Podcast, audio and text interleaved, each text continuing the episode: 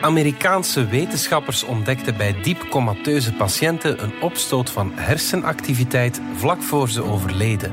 Verder hebben we het over LinkedIn, dat vandaag 20 kaarsjes mag uitblazen, over bronstige mammoeten en over hoe artificiële intelligentie het verschil kan maken op het slagveld. Het is vrijdag 5 mei. Presentator Yves de Lepeleire praat over al die onderwerpen met wetenschapsjournalist Senne Starks en technologieredacteur Dominique Dekmijn in Bits en Atomen.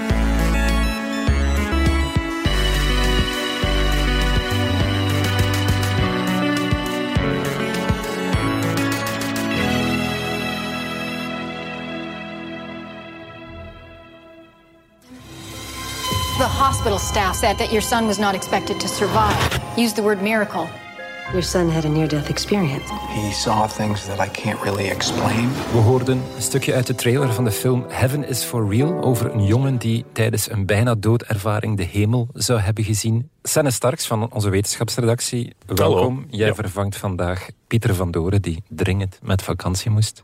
Nu, of de hemel bestaat, dat kunnen wetenschappers niet bewijzen, maar ze zijn wel wat meer te weten gekomen over bijna doodervaringen door in onze hersenen te kijken. Vertel eens. Ja, dus, dus ik heb die film niet gezien, maar eh, een bijna doodervaring, dat wordt eh, algemeen aanvaard dat dat eh, niet gelogen is, dat mensen dat effectief meemaken of, of ervaren tijdens, tijdens dat kritieke moment van een, bijvoorbeeld een hartstilstand, dat ze even weg zijn.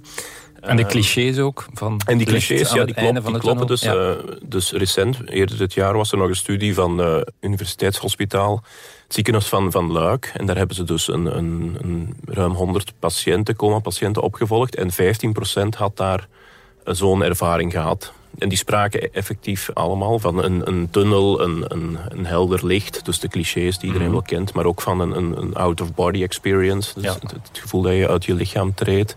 En ook een heel krachtig gevoel, ook heel persoonlijk vaak, waar, waar, waarbij je naasten terugziet. Ook bijvoorbeeld familieleden die, die al zijn, eh, eerder zijn gestorven. Dat, dat bestaat dus, dat gevoel, dat er, eh, die ervaring. Maar men heeft daar nog nooit iets van teruggevonden in het brein. Natuurlijk, live is dat moeilijk om te meten, zoiets. Want je kan zo'n studie niet organiseren. Maar nu heeft men dus in eh, de Verenigde Staten, dus de, tijdens de voorbije jaren, worden wel coma-patiënten opgevolgd die dus in een diepe coma liggen en die dus geen overlevingskansen meer hebben. En die worden opgevolgd met eh, hersenscans, in, hier in de vorm van eh, EEG. Dus dat is met van die elektroden op je Ja. eh, schedel, in zo'n badmuts. Daarbij heeft men nu gezien bij twee mensen dat die vlak voordat ze stierven, dus vla- en vlak nadat ze dus afgekoppeld waren van de, van de beademing, dat die dus plots een, een opstoot van activiteit in hun brein lieten zien. Dus minutenlang, totdat ze natuurlijk eh, overleden. Activiteit die er voordien niet was. Die, die was er voordien niet, Ja. want ze waren dus diep comateus. Lager kan het niet. Ze hadden ook geen, geen tekenen van bewustzijn in de voorbije uren, dagen. Eh, ze hadden ook zware hersenschade opgelopen door een hartstilstand, door hersenbloeding, door zuurstoftekort.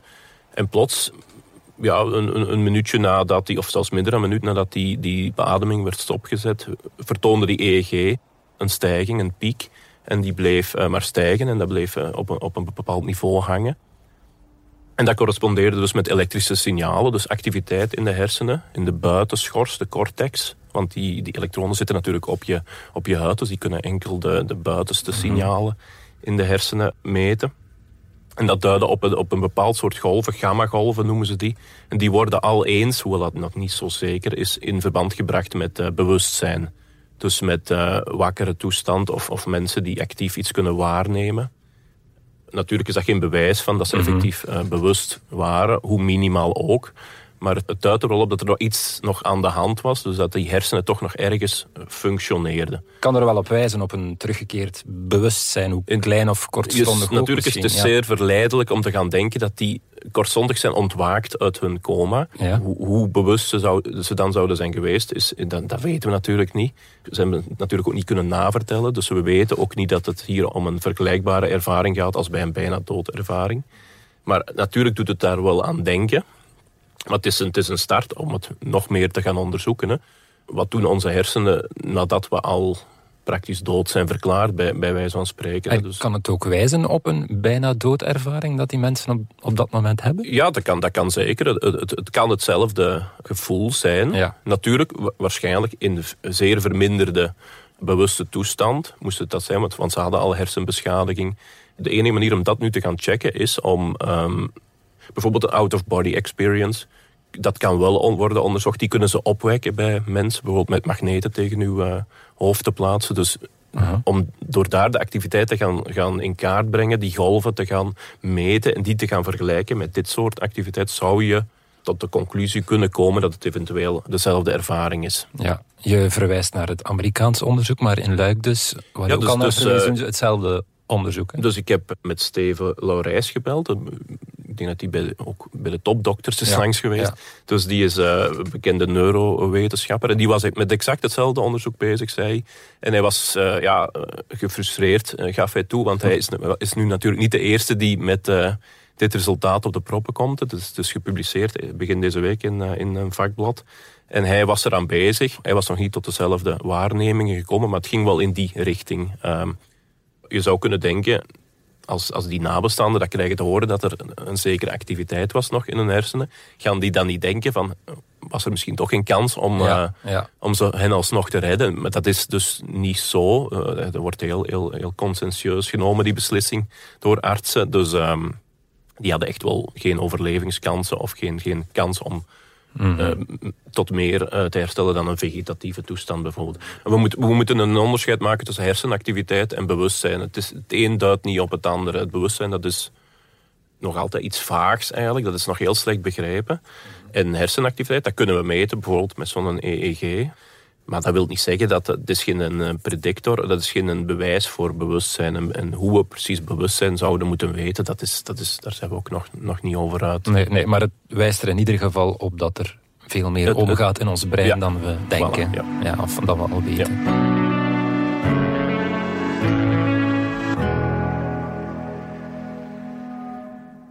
Dominique, wanneer eh, we social media zeggen, zijn er allicht weinigen die meteen denken aan LinkedIn. Maar ik zag dat het bijna even groot is als TikTok en bestaat zelfs al langer dan Facebook.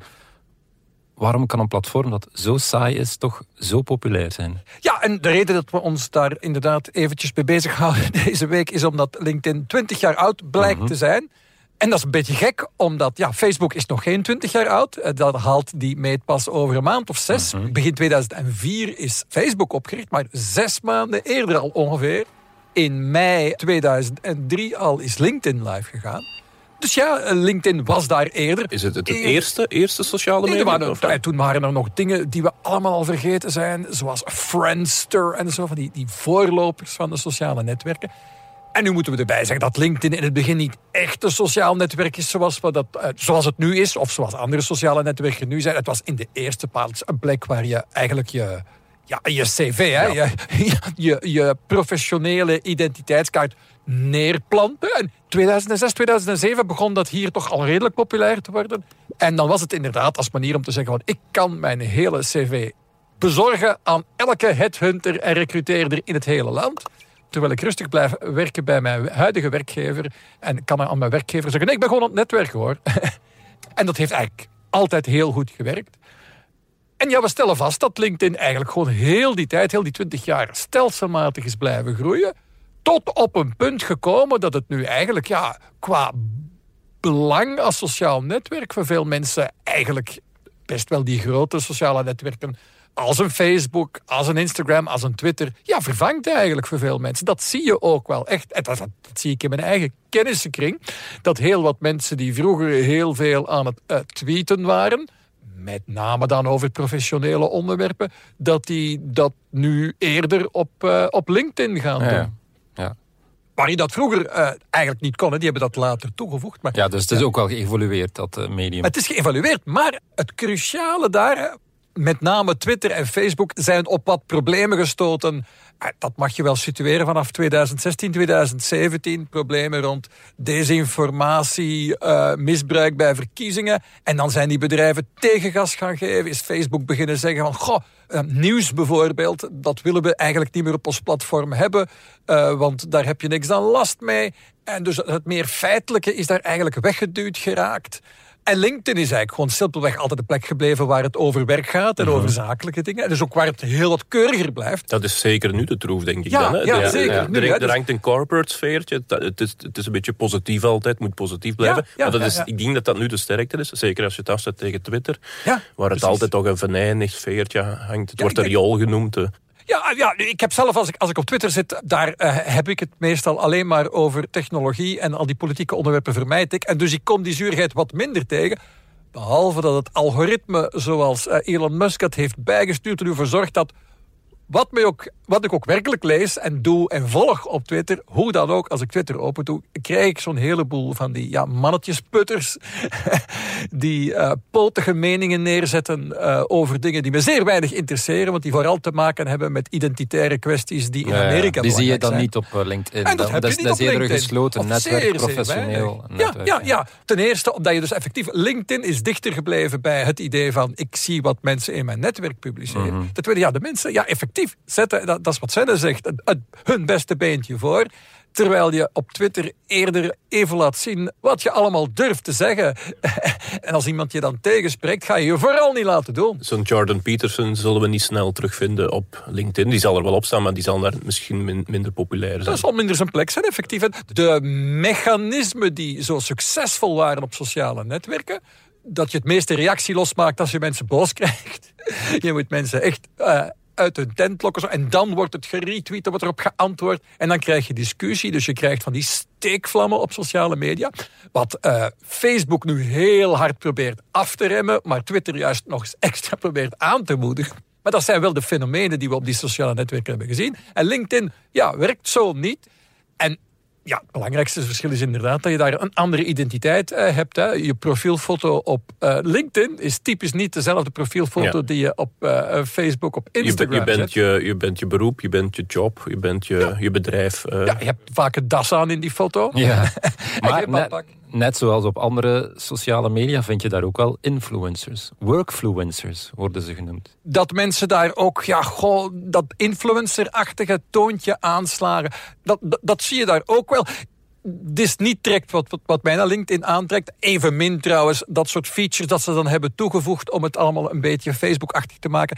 Op een bepaald moment kon je dan iedereen gaan eh, endorsen. Kon je zeggen van ja, die, die persoon is echt wel een puikenmarketeer. En die ging dan in reactie erop zeggen... ja, en, en jij bent dan weer... Dat is een beetje voorbij, denk ik, dat- dat, eh, dat endorsen.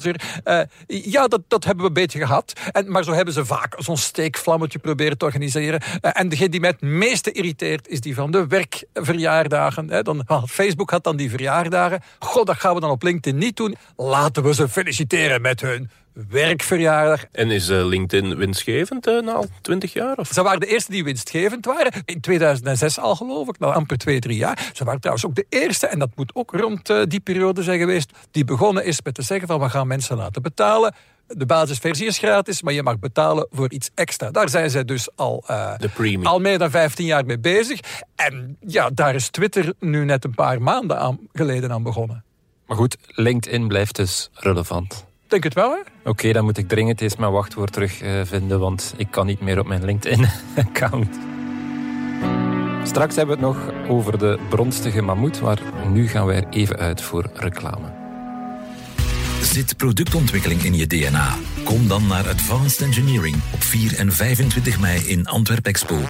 Laat je inspireren door 100 exposanten met innovaties in design, materialen, elektronica en keynotes van Microsoft, Atlas Copco en DAF Trucks. Ontdek er ook de laatste trends in AI, VR en product design. Advanced Engineering, 4 en 25 mei, Antwerp Expo. Reserveer nu gratis met de code DS23 op ae-expo.be.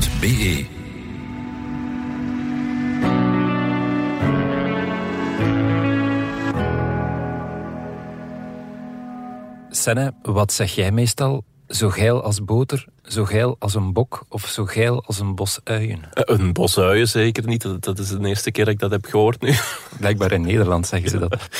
Eh, en ik kom nogthans uit... eh, mijn, mijn moeder komt nogthans uit Nederland. Dus ja, ik zal, ik zal, ik zal eens polsen. ehm. Maar misschien mogen we vanaf nu ook zeggen zo geil als een mammoet. Ja, blijkbaar. Of, of tenminste zo geil als een olifant. En de mammoeten die, die bezien we dan toch als de voorouders van de, van de olifant. Blijkbaar hebben die een, een vorm van ehm, periode, die mannetjes, die volwassen mannetjes. Ik weet, ik weet niet dat jullie er al van gehoord hebben. Must heet dat, of moest. Moest, ja. Het woord zou het, eh, van het Perzisch komen. Het eh, het betekent daar zoveel als dronken of geïntoxiceerd.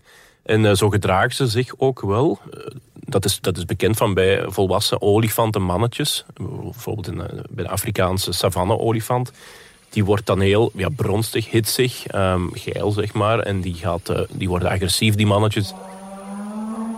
Die willen meteen paren met zoveel mogelijk eh, wijfjes. Die leggen grote afstanden af. Ja, die, zijn, die zijn niet te houden, zeg maar. Ja. Het zijn echte testosteronbommen losgeslagen testosteronbommen. En dat zijn ze dus ook, want het komt dus door een, eh, een hele sterke stijging van testosteron. Is geslachtshormoon bij de mannen. Dan ben je beter niet Ehm, in de buurt. Een factor 20 stijgt dat, dus, dus eh, dat heeft blijkbaar wel zijn effect. Nu, paleontologen die, die vroegen zich af, kunnen we zoiets van eh, die hormooncyclus, bij de mannen dan, ook terugvinden bij de mammoet. Dus de voorouders van eh, de olifant die dus eh, ja, aan het eind van de laatste ijstijd zijn uitgestorven. Hè. Vooral in Siberië vinden we die terug, omdat die daar zo goed bewaard blijven, Ja. die fossielen. En ze hebben dat onderzocht bij een, een slagtand die ze in 2007 hebben teruggevonden, ergens in de permafrost. Permafrost heeft voordeel dat dat heel goed beenderen bewaart. Dat was ook nog echt been, dat was niet versteend of zo, zoals bij veel oudere fossielen. En men heeft daar dus eh, via een, een stofje, een dentine, het testosteronniveau kunnen bepalen. En men heeft kunnen achterhalen dat dat schommelde, net als bij de olifant vandaag. Een beetje minder, maar dan denkt men dat dat door degradatie van, van materiaal komt. Maar men, de mammoet zou dus een vergelijkbare hormooncyclus hebben gehad als de olifant vandaag. Wat op zich natuurlijk niet zo vreemd is. Maar eh, voor, voor paleontologen is dat wel interessant, want men, men kan niet alleen achterhalen hoe, hoe ze eruit zagen, de structuur, maar dus ook het, het functioneren van hun lichaam bij lang uitgestorven dieren. Dus dat is toch wel speciaal. Maar hoe ze zich gedroegen als ze bronstig waren, dat kunnen ze niet Ja, zeggen. waarschijnlijk zal dat dan ook wel vergelijkbaar zijn Ja, geweest met met, met de olifanten ja. vandaag. Dus de mannetjes zullen dan tijdens die periode, die, die van must of moest, die duurt een aantal maanden, drie maanden, zullen ze heel, heel actief zijn op zoek gegaan eh, naar paringspartners. Bij de olifanten vandaag is het zelfs zo dat de meeste olifantenkalfjes worden geboren uit zulk eh, gedrag. Dus het zijn dan die bronstige mannetjes die dan effectief 80%, zag ik een cijfer passeren, van de nakomelingen produceren. Dus eh, die, die, die periode is wel belangrijk om een ja, populatie ja. op gang te houden, in, in stand te houden. Nu weten we dat de mammoeten zijn uitgestorven. Dus daaraan, eh, kan. Daaraan het, kan het niet kan het in ieder geval niet gelegen hebben.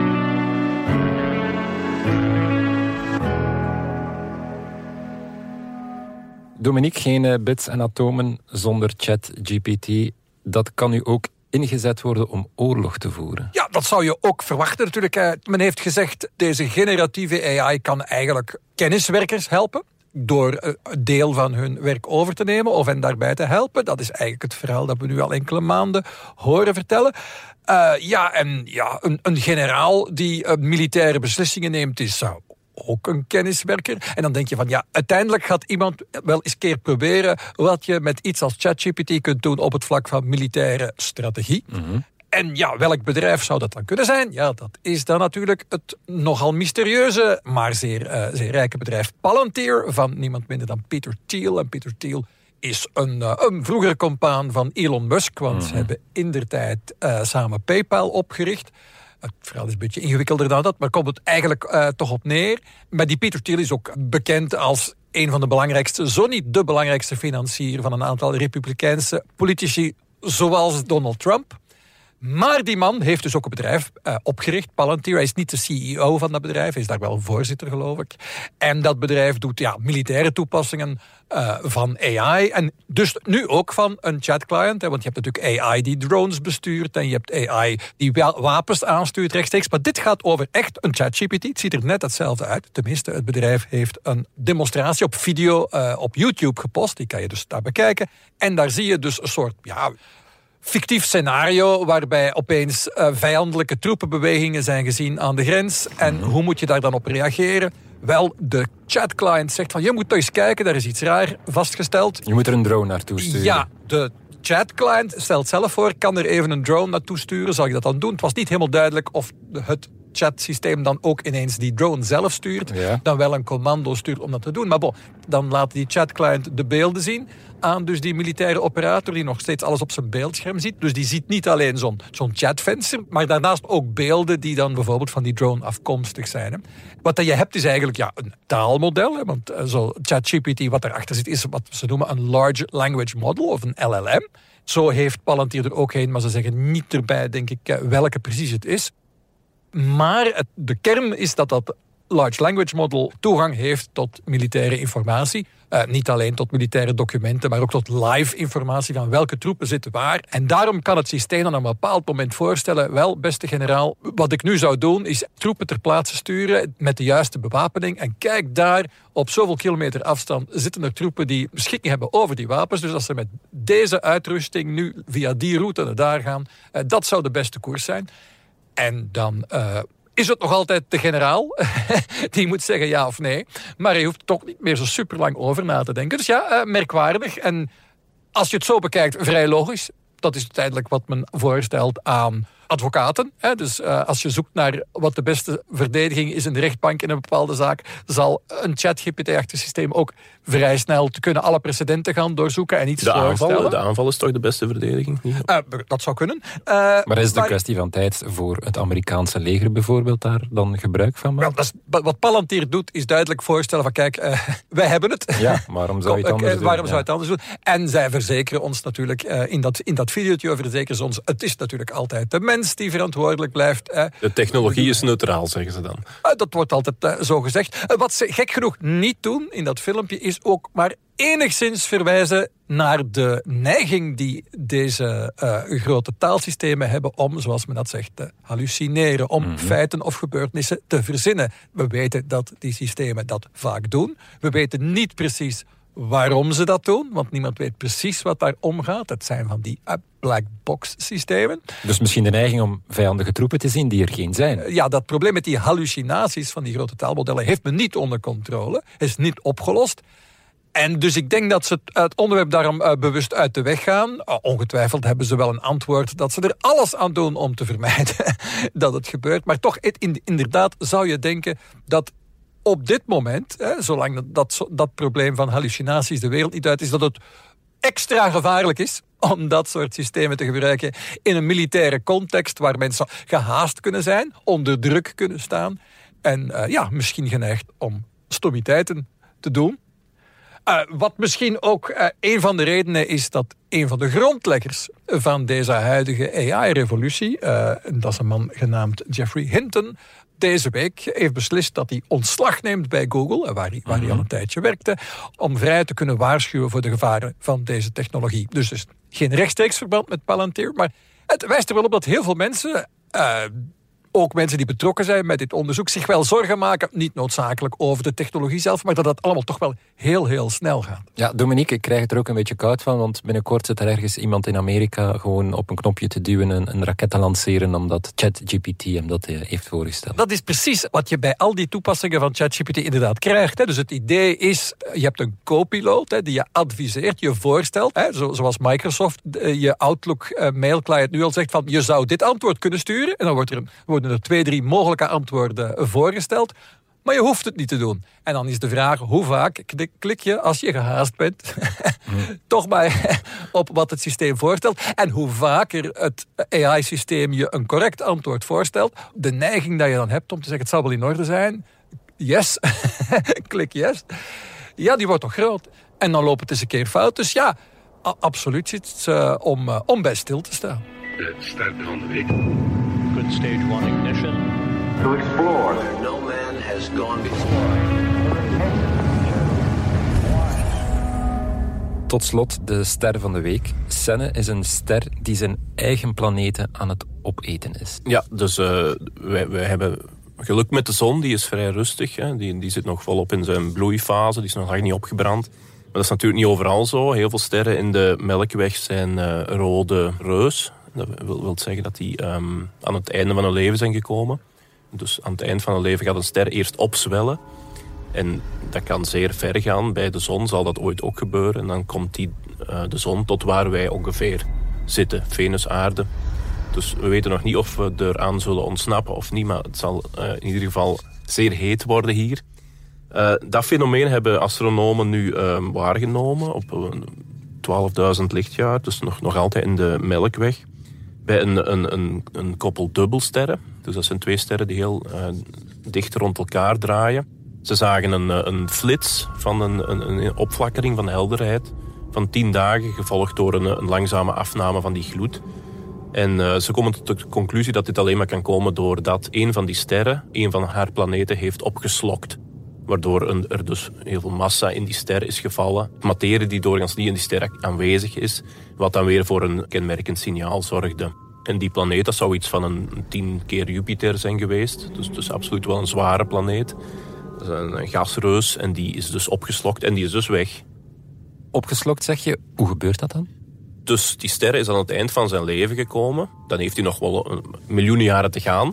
Maar dan krimpt hij eerst, waardoor er, er een ander uh, fusieproces wordt opgestart dan, dan normaal. Waarna hij, hij weer gaat uitzetten. Het is, het is, het is een wel complexe ster-evolutie. Ook uh, contradictorisch vaak. En dus als hij uitzet, ja, dan gaat hij, gaat hij zich verspreiden, gaat hij, gaat hij groter worden. En dan kunnen de binnenste planeten daar in komen te liggen. Ja, dan, wordt, dan worden die planeten gewoon gesmolten uh, verdampen die en, dan, en dan komen die in die ster, waarna die ster weer gaat contracteren. Maar of wij dat uh, allemaal gaan meemaken, of onze verre, verre, verre nakomelingen, dat is nog niet zeker. Ja, de, de aarde zal het in ieder geval wel meemaken, waarschijnlijk. Ja. En over, als er over 5 miljard jaar nog, nog iets zal zijn op de aarde, is, is niet ondenkelijk natuurlijk. Hè? Misschien kunnen we dan de hulp inroepen van ChatGPT. Sanne Starks, Dominique Dekmijn. Bedankt. Gedaan. Yes. Dit was Bits en Atomen, onze wekelijkse podcast over wetenschap en technologie. Bedankt voor het luisteren. Alle credits van de podcast die je net hoorde vind je op standaard.be-podcast. Reageren kan via podcast.standaard.be. Volgende week zijn we opnieuw.